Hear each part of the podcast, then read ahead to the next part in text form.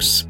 Esiet sveicināti! Šis būs noslēdzošais raidījums sarunu ciklā ar mākslinieci Ievu Jurjāni. Mans vārds ir Anna Bušvica, un jau kopš pavasara esam tikušās, lai pārskatītu darbus topošajai izstādei Gals sākums turpinājums. Tā novembrī būs skatām Daugopilī Marka Rotko mākslas centrā.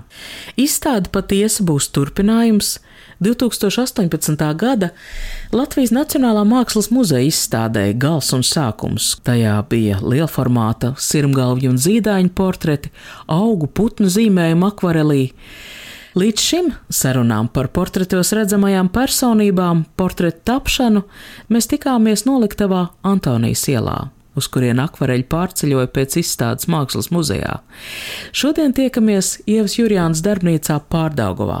Cara laika Rīgas koka ēkā, kuras fasādē trepi telpā joprojām saglabājies pārsteidzoši daudz tā laika koka detaļu.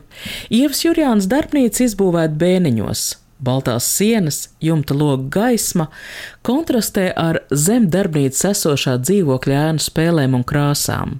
Man darbnīcā interesē izstādēji gals sākums turpinājums, no jauna tapušie portreti, un tie patiešām te ir darbnīcas centrā, pagaidām gan vēl pagriezt pret sienu. Taču es nevaru vispirms nenovērtēt arī Ievas Jurjānas scenogrāfs ķērienu, kas skaidri sajūtams katrā darbnīcas jumta liekuma izveidotajā telpas kabatiņā. Pie viena no jumta balstiem, pie raupja koka staba, pienagloti trīs dūrāņi. Tā vienkārši bez sākuma, bez gala, bez konteksta, taču tie vilina acis savā krāsainībā, valkāta cimda garšīgajā materiālitātē. Kaut kur autobusā droši vien viņa kabats izskatās. Nu, man, man liekas, viņš tik glezniecisks ārprātā. Lielais teatrālais spogulis. Jā, par spoguli vēl jāliek kaut kā jāizstāsta. Arī gaidāmajā izstādē Daugopilī Ievai Jurjānai ļoti būtiski ir telpa, iespēja izpausties kā savas izstādes iekārtotājai. Pandēmijas piesardzība bija aizkavējusi nodomu jau pavasarī doties apskatīt izstādes telpas, beidzot tas ir noticis. Jā, es aizbraucu uz to Rotko centru un, un staigāju tur, meditēju, kā tur izlikt. Tur viņi šobrīd pārkrāso visas sienas tādas tumši grafīti pelēkas. Tas arī nu, kapitāli pamaina to darbu eksponēšanos. Ja muzejā viss ir caur to totālo gaišumu, tad Rotko centrā un turklāt novembris, decembris, janvārs, tie tumšie mēneši. Es tāpat gribu, lai tur ir tāda pārsteidzošā gaismas sajūta, un tad jāiznes viņu ārā tieši tajā kontrastā. Daugopils ir kaut kādā arī tā geogrāfiskā vieta, ir ar kaut kādu nozīmi. Jo klausoties šīs intervijas, vairāk iedziļinoties tajā tēmā, es izjūtu patiesu baudu, klausoties, kā jūs latgaliski uzrunājat tos portretējumos. Man ir tāds maziņš aparātiņš, ar ko var ierakstīt skoņu. Par to, ka ja jūs varētu man kaut ko pastāstīt par veciem laikiem. Briesmīgi daudz, darētu ka zivsaimniecībā jau izteicies. Jā, bet viņš var ilgi. Es domāju, Tagad, nu, kā zivsaimniecība sociās, mēs arī piesadaļājam zivu barošanā. Mums veidot savus dīķis, ir bērni, ir bērni, ja kiti mūsu krotuvās, tā kondikorums tās augtīs varēja. Nu, runāšana latgaliski man ir varētu teikt, pēdējo pāris gadu drosme. Jo es labi atceros to pirmo reizi, kad es aizbraucu viestram līdzi pie viņa vecmāmiņas. Nu, varbūt 20 gadi man tad bija, un es nesapratu, kā viņi sarunājas savā starpā, jo tā latviešu valodas forma man organiski nebija, nebija tāda viļņa, uz kuru uzkāpt un tam sekot. Un uh, tad gadiem cauri es tā kā tādā dziesmā to esmu sākusi saprast, un filmu pilsēta pie upes filmējot, es jau ar tādu apzinātu prieku droši gāju pie vietējiem un centos runāt, jo es esmu sapratusi, ka tas komplekss jau ir tikai pašā cilvēkā. Tie pārējie to nejūt, viņi jau priecīgi, pat ja tas ir smieklīgi, ko tu pasaki, kas tad slikts tajos smieklos, un iegūt vēl vienu valodu, tā ir atkal pilnīgi tāda kultūras vide, tu jūti uzreiz to mīlestību, to atsaucību un tā. No otras puses, Daugopils jau nav Latgala. Arī tā ir vispār pilnīgi cita republika. Un tagad, kad eh, es biju skatīties tās telpas savā izstādē, tajā pašā reizē es sarunāju randiņu ar Pēteru Blūmu, ar ko mēs esam sapazinušies citu iemeslu dēļ, bet viņš tieši šajā brīdī strādā pie diviem lieliem objektiem, kas arī ir tajā pašā Daugavpils eh, cietokšņa teritorijā, un tā vēsture, kā tur slāņojās, kārtojās, cik multikulturāla tā Daugavpils ir bijusi, un cik eh, aizraujoša tāda vēsture un dzīve un tā kultūra bagātība un spēja īstenībā kvalitatīvi attīstīties un dzīvot tajā kultūru sadursmē. Es pratu arī par to, ka Daugavpils tajos biezajos mūros kādreizajā arsenālā ieroču noliktavā tagad būs tāds pavisam trausls, manuprāt, ļoti, ļoti sievišķīgs stāsts par dzīvību. Jā, bet tā jau dzīvē Viss ir tikai uz kontrastiem. Tas varētu būt tāds labs, labs kontrasts. Femīnais sievietes skatījums personīgi man liekas ļoti būtiska atslēga Ievas Jurjānas sākuma un gala mērogos. Personības, kas aizdzīvojušas līdz savas dzīves iespējami tālākajai robežai. Sevi vēl neapzinājušies zīdaiņi, augu, sakņu, lapu, skruplozu pārzīmēšana, putns nāves ķerts tagad kļūst sasniedzams un izpētams tūplānā. Visas šīs tēmas ir samērojamas tās sasaista cieņa pret dzīvību. Interesanti, ka tad, kad ar Ievu Jurjānu runājām par Lidijas Doroņas Lasmanas portretu, viņa teica, ka viņa vēlējusies to zīmēt, jo viņa savaldzinājas Lidijas sievietes spēks, un acīm redzami Lidija Doroņa Lasmana savu disidents cīņu ir izcīnījusi atšķirīgi, kā kaut vai karā iesauktie. Tāpat laikā, kas ir sievišķība, kas ir tas sievietes spēks, Ieva sarunā nemaz pat nesāk formulēt, mūsu saruna aizvirzījās sāņus. Arī sarunāšanās Tās sarunas, kas tika ierakstītas portreta tapšanas laikā un vēlāk kļuva par būtisku izstādes daļu, arī tā ir feminīnās filozofijas tēma. Un vēl Man vienmēr ir pārsteidz, cik Latvijā augsts ir sabiedrībai atpazīstama personība prestižs, cik ļoti šos izvēlētos, kuri ir uzņēmušies nastu dzīvot visu acu priekšā, uzklausa. Franču filozofa, psiholingvista Lūsa Irigaraja ir veikusi ārkārtīgi interesantu pētījumu tiesa par katoļu baznīcas svēto dzīves aprakstiem. Viņas atziņa, ka jo īpaši juku laikos sabiedrība vairāk tendētu uzticēties nevis gataviem noteikumiem, bet uzklausīt dzīves stāstus, kuros tā morāls pamācības jauda ir sajaukusies arī ar attiecīgās personības sāpēm un kļūdām. Tas, ko neredz ko nerāda parastam skatītājam, ir visi tie darba materiāli. Bet eh, es bieži arī viņus aizmetu projām, teiksim, bet te joprojām es viņus vēl turu, jo īpaši zīdaiņu gadījumā varētu teikt, ka tā, tā ir tā vistotālākā klātbūtnes liecība, jo bija skaidrs, ka nu, uz tā pilnīgi baltā papīra uzreiz trāpīt to zīdaini, nu, es nevaru riskēt. Un tad tas darba zīmējums ir tas, kas notiek tur uz vietas. Un, un ir tie, nu, šis ir tas pēdējais bērniņš, kurš tad atklāsies te tūlīt. Nu, viņš ir tuvu, tuvu nobeigšanas stadijai. Stela Platpīra dzimusi 22. janvārī 2019. gadā. Tas ir pats tas jaunākais un arī droši vien būs pēdējais no tiem zīdaiņiem. Darbnīcā pie sienas ir jau gatavs portrets, bet es atrodu to fragment no mūsu sarunas, kurā vēl pavasarī Ieva Jurjāna tikko mūsu sarunas dienā bija uzvilkusi papīru uz rāmja, lai to sāktu zīmēt. Es šodien uzvilku papīru darbnīcā, jo es neesmu uzlikusi tieši akvarelī vienu mazo bērnu. Jo, arī viss tā pandēmija sākās. Tas interesantais ir tas, ka tā ir māsiņa pirmajām zīdainītiem, kas tika uzgleznots no šiem. Un tā tad iespējams arī būs, ka izstādē būs no vienas ģimenes pirmais bērns, kas ir arī pirmais manā zīdaiņu sērijā, un viņu otrais bērns, kas piedzima pēc trīs gadiem, un tas man būs pēdējais noslēdzošais tajā sērijā. Un, nu, tas, ka es jūtu ļoti redzamā veidā, kā tas laiks turpinās.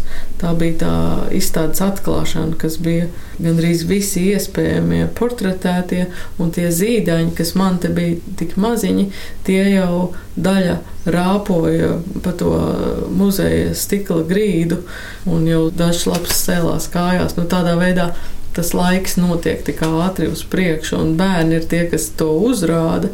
Un it kā mēs to visi zinām, bet nu, tādā koncentrētā veidā ir forši to piedzīvot. Sēdziņā. Tā sēdziņa ir tā tāda gaisma. Viņa ir tā tāda ietīta, ietīta gaismas kūniņa, kas varās vaļā. Tā man tagad tas izskatās. Varbūt mums ir jānoliek burtiski.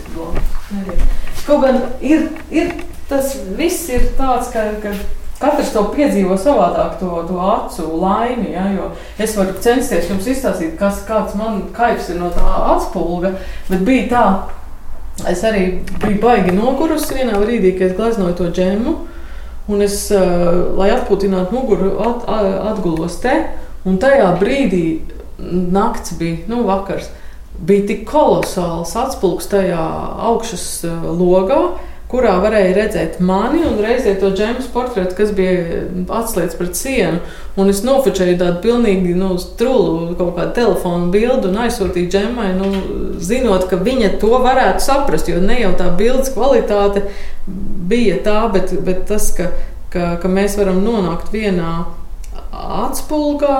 Abas divas, es īstā uz grīdas, tās baltā fona un viņa tā gleznotā. Mēs tā kā atkal tajā attēlā sarunājamies kaut kā. Jo, nu, Es gribēju paturpināt tēmu, ko mēs jau esam šajā sarunā aizsākuši par to pierakstīšanas ilūziju. Jūs ļoti daudz enerģijas ieguldat, lai fiksētu, fiksētu sarunas, fiksētu to momentu, to pozu, to brīdi pēc piedzimšanas. Neko jau nevar tā pierakstīt. Nu, varbūt tieši tas ir arī tas, ko jāpierāda. Bet nu, es pat esmu tas eksperimenta trusis. Un ja es to nepārbaudīšu ar sevi, es nekad tam neticēšu. Nu, tā tas ir. Nu, man liekas, ka priekš tā ir viss mūžs dots, lai tu saprastu, ka ir lietas, kuras tu iemācies, kuras tu pārmanto, un ir lietas, kurām tu ej pats cauri, un tikai tava pieredze tā ir.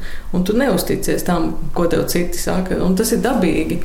Tev nav jāuzticas, ja tu to neesi padarījis par savu. Tev ir jāiemācās savu intuīciju lietot, izšķirot tieši kas tev ir derīgs. Kam lietot un kādā veidā savu dzīvi, un savus resursus un savus talantus. Nu, kā lai mēs savādāk to pārbaudām? Nu, tad, kad mēs to darām, tad mēs arī iegūstam kaut kādu zināšanu, un no, nu, mēs dalāmies tik cik vien mēs varam, un citi var paņemt no mums tik, cik viņi grib. Laikam tā jau arī ir tā piepildīšanās un dalīšanās, jo viennozīmīgi neko tu nevari sev paturēt. Īstenībā tiešām tu vari iegūt tikai to, ko tu atdodi. Ejame, ejame, moseņas, paupēties molu, ojā, ojā, paupēties molu. Pazīsti to? Mm -mm. Vienā pusē upēties auga apiņēši, ojā, ojā, auga apiņēši.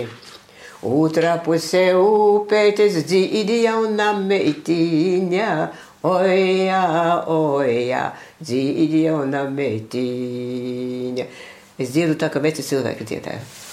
Ļoti smuki. Paškinu apiņu zaļu da smordēgu, Oja, oja, zaļu dasmordeigu. Un, um, tas jaunākais darbs saldunu um, da no sirmgalviem. Tur arī tāds interesants ceļš ir, kas mani aizvedē līdz um, Annai Dundurs paklonē. Reku nav vēl uzrakstīts, uzraksts, jā. Tā kā es gāju no viena pie otra, tiem sirmgalviem tā kā tādā pasakā, nezinot uh, vispār, kur tas ceļš tālāk aizvedīs. Tomēr ar laiku es sapratu, ka veidojās tā kā tāda izlase, ka man ir uh, no arī tā visa Latvija kaut kādā veidā pārstāvēta ar, ar dažādiem novadiem, ar uh, tādām valodas īpatnībām, ar, ar dažādiem sociāliem slāņiem, profesijām, dzīves, to pieredzi, kāda varēja būt tajā laikā. Sajūtu, ka īstenībā man trūks ļoti arī kāds, kas ir no tās paudzes aizbraucis emigrācijā, jo tā ir ļoti būtiska cilvēku daļa no tās paudzes. Jo, ja man ir Lidija, kas bija cietumā un izsūtījumā, un, un, un, un Evalds, kas bija leģionā, un Mežulis, kas bija Latvijas laukos, un tur bija mežos cilvēki. Un tad es uh, dzirdēju, ka tur uh, pie Kārsavas ir tāda ārkārtīgi spilgta persona. Anna Dundurs Paklone, kas ir atgriezusies no emigrācijas dzīves Beļģijā un turpina dzīvot Latvijas laukos. Šis milzīgais kontrasts man likās ievērības cienīgs, kas tā ir par personību. Un, kad es sāku par viņu interesēties, tad es uzzināju, ka viņa tieši ir atkal atgriezusies atpakaļ Beļģijā, jo, jo viņas bērni neļauj viņai dzīvot pēc kaulu laušanas un, un, un riskantos gados vairs Latvijā. Kīpi vīnas līknes jūdu maleņā, gadējam mēs vūškas mežu krūmeņā. Ties šauc viņu seņģeli, drežok tiesit kā veseli, uz Betlejom, uz Betlejom. nu, ko viņa dziedāja visu laiku? Bet viņa bija tikai latgaliski dziedāja. Bet viņa prata lasīt arī, viņa pa čiliski lasīja. Un pa krieviski dabīgi arī. Bet viņa bija poliete, pa polsku. Mówię po polsku? Jak dobrze nam zdobywać góry i młodym pierwszym chłoniać wiatr, prężnymi depom toptać mury i ranić palcy o szczyt Kalnos. Vojen, Un viņi man sāka dziedāt visādas dziesmas, un tad mēs ar viņu tur divbalsīgi vienu dziesmu dziedājām. Un, tas liekas kaut kas tik seriāls, kā kādā Beļģijas pansionātā, kas ir nu, asociējies vispār ar kaut kādu David Lynch filmu, kur visādi tādi spoži, tīri, tīri sakopti cilvēciņi staigā pa tādiem gaišiem gaiteņiem. Tur kaut kāds tāds seriāls, jā. Bet Annas gadījumā man bija vēl viens iemesls, kāpēc man interesēja viņa kā lieciniece. Jo viņas dzīvē ļoti svarīgs cilvēks bija Poļislavs Sloskāns. Tā bija tā dimensija, kas man arī trūka maniem portretiem un maniem meklējumiem. Teiksim, kas ir tas cilvēciskais līmenis, kurā tu vari aizsniegties? Un kas ir tas pārcilvēciskais līmenis, par kādu mēs varam šajā dzīvē, vēl dzīvojot miesā, pārliecināties vai iegūt liecību. Kopš es strādāju kino, un arī šajās portretos es cilvēku sejām piešķiru milzīgu nozīmi. Un, uh, pat dažas reizes tikai redzot uh, šo Boļislavs Loskānu fotografijās vai vienā filmā, es redzēju, ka tā ir seja un personība, kas manī ļoti interesē. Tad es gribēju, lai Anna man izstāsta savu liecību, kādu piedzīvoju šo Boļislavs Loskāna klātbūtni savā dzīvē. Šis cilvēks, kurš tiek izskatīts par svētu cilvēku. Es vienreiz uzvedīju viņam cimdus. Bez cimdiem. Nu, un sauc, jā, ja? sutanā un bez cimdiem. Es tagad Domājam, tā kā vajag vajadzīgi simties uzadījušiem cimtus. Nu, malnā krosā, kā jau prīstiem, es viņam atnežu īduģi. Jis, jis nebija apmierinots, bet nesēja neko. Jis nesēja ni paļģis, neko, bet, nu, kā. Es droši viņu atdevu kādam, kam vajadzīgs bija. Nu, es gribēju kaut ko dot. Un, kad es runāju ar tevi, es tevi ilgi pieņēmu. Es runāju tikai par Dievu un par paradīzi, un sevišķi par, par Mariju. Ar tādiem vārdiem es vienkārši nevaru pastostēt. Nevaru izstostēt. Es klausījos tā kā divi šeit atmosfērā. Tā ir taisnība. Jā, tas ir nu, arī līdzīgi kā ar tiem augiem.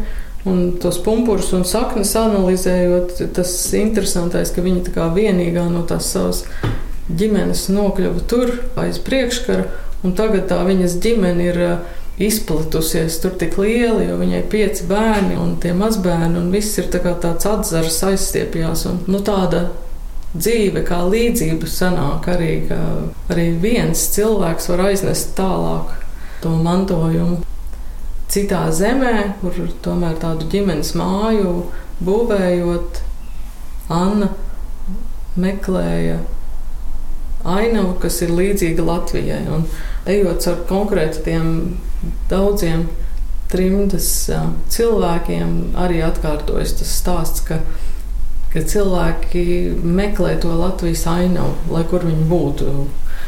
Amerikā vai, vai Kanādā vai Beļģijā, Vācijā kaut kā tā bērnības tā ainava, tā geogrāfija, tev ir kaut kas tāds, arī bez vārdiem, ka tev tā daba ir vajadzīga tādā atpazīstamā līmenī, ka tu zini, kas tie pa augiem, pat līdzīgi, līdzīga tā flora tevi nomierina vai rada sakņu sajūtu citā vietā.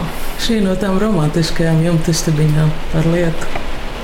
Tā ir tāda pataisnotas kanāls vienkārši. uz uh, mākoņiem, debesīm un uz balošu mēsliem vienlaicīgi. Tas viss ir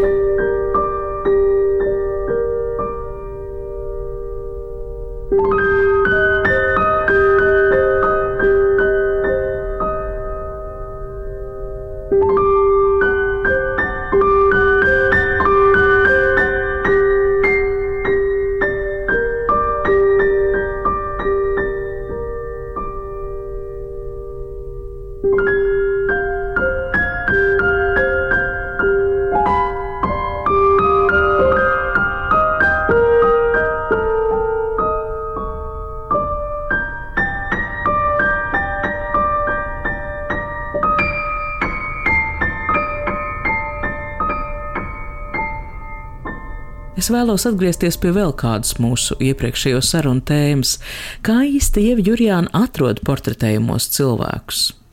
Impulss, kāpēc vispār sāk tapt šie portreti, esot bijuši vairāki, un to starpā viens no būtiskajiem - māmas aiziešana mūžībā.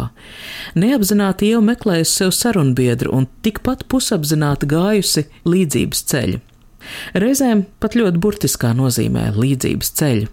Atzīstoties, ka, piemēram, lībietis ēdram portrets pēc mammas teiktā, ēdram esot bijusi ārēji līdzīga kādai radiniecei.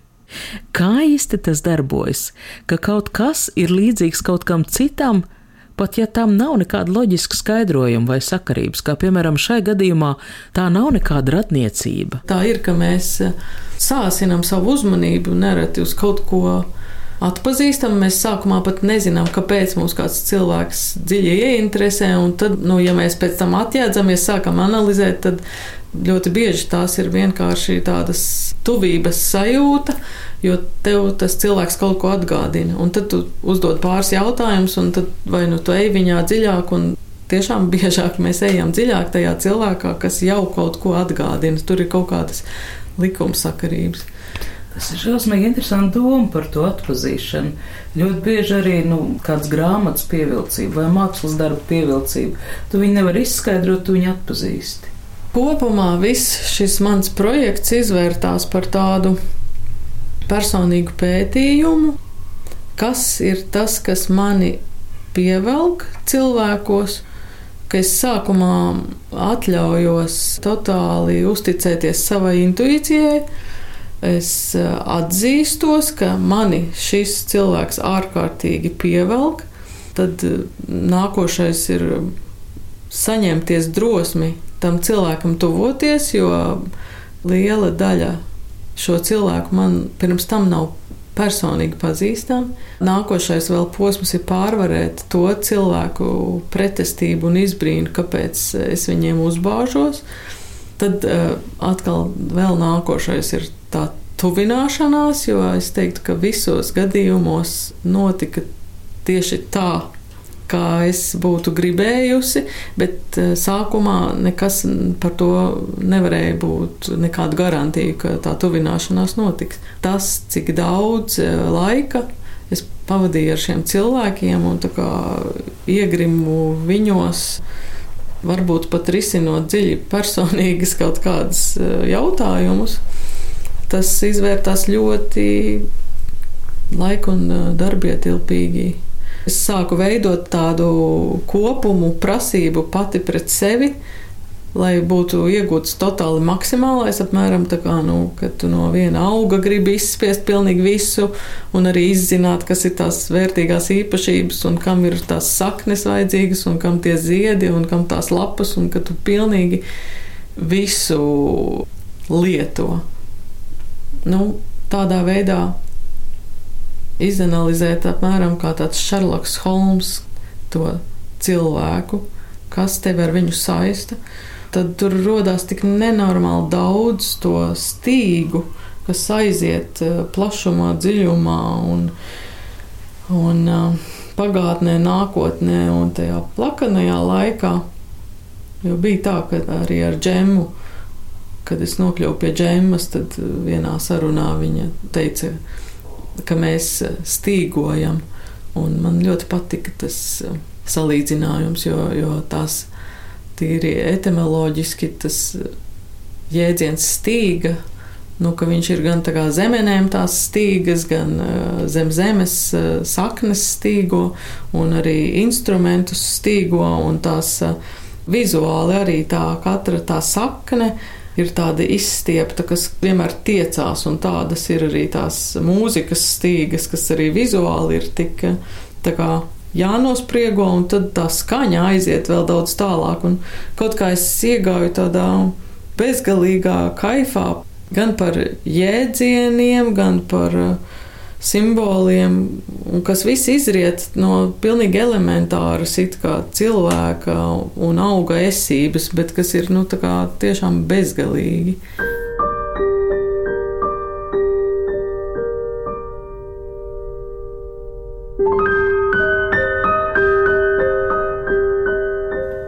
Jau rezumējot mūsu sarunu, atvadoties, Ieva Jurjāna nosaka, ka Man ir jāuztaisa vēl vienu bildi priekš tās izstādes, kas ir, varētu teikt, tāda atslēgas bilde, kas ir pašportrets. Un es pie sevis nodomāju, ka šai gadījumā sarunu sadaļa, kas topot izstādē, gals, sākums, turpinājums ir daļa no mākslinieces metodas, esam veikuši mēs visi kopā šai sarunu ciklā un man ir dziļa pateicība pret sarunbiedru par iespēju nesteigties dziļumu un pamatīgumu izsakojot, kā tad stiepjas tās stīgas pagātnē, nākotnē, personīgos pārdzīvojumos un nonākt arī līdz kādam vispārinājumam, līdz lielākam mērogam. Ar Ievu Jurjānu sarunājās Anna Buševica, šī rēdījuma skaņoperators Valds Raitums. Mākslinieces sievas Jurijānas izstāde Gals sākums turpinājums no 6. novembra Daugopils Marka Rotko mākslas centrā.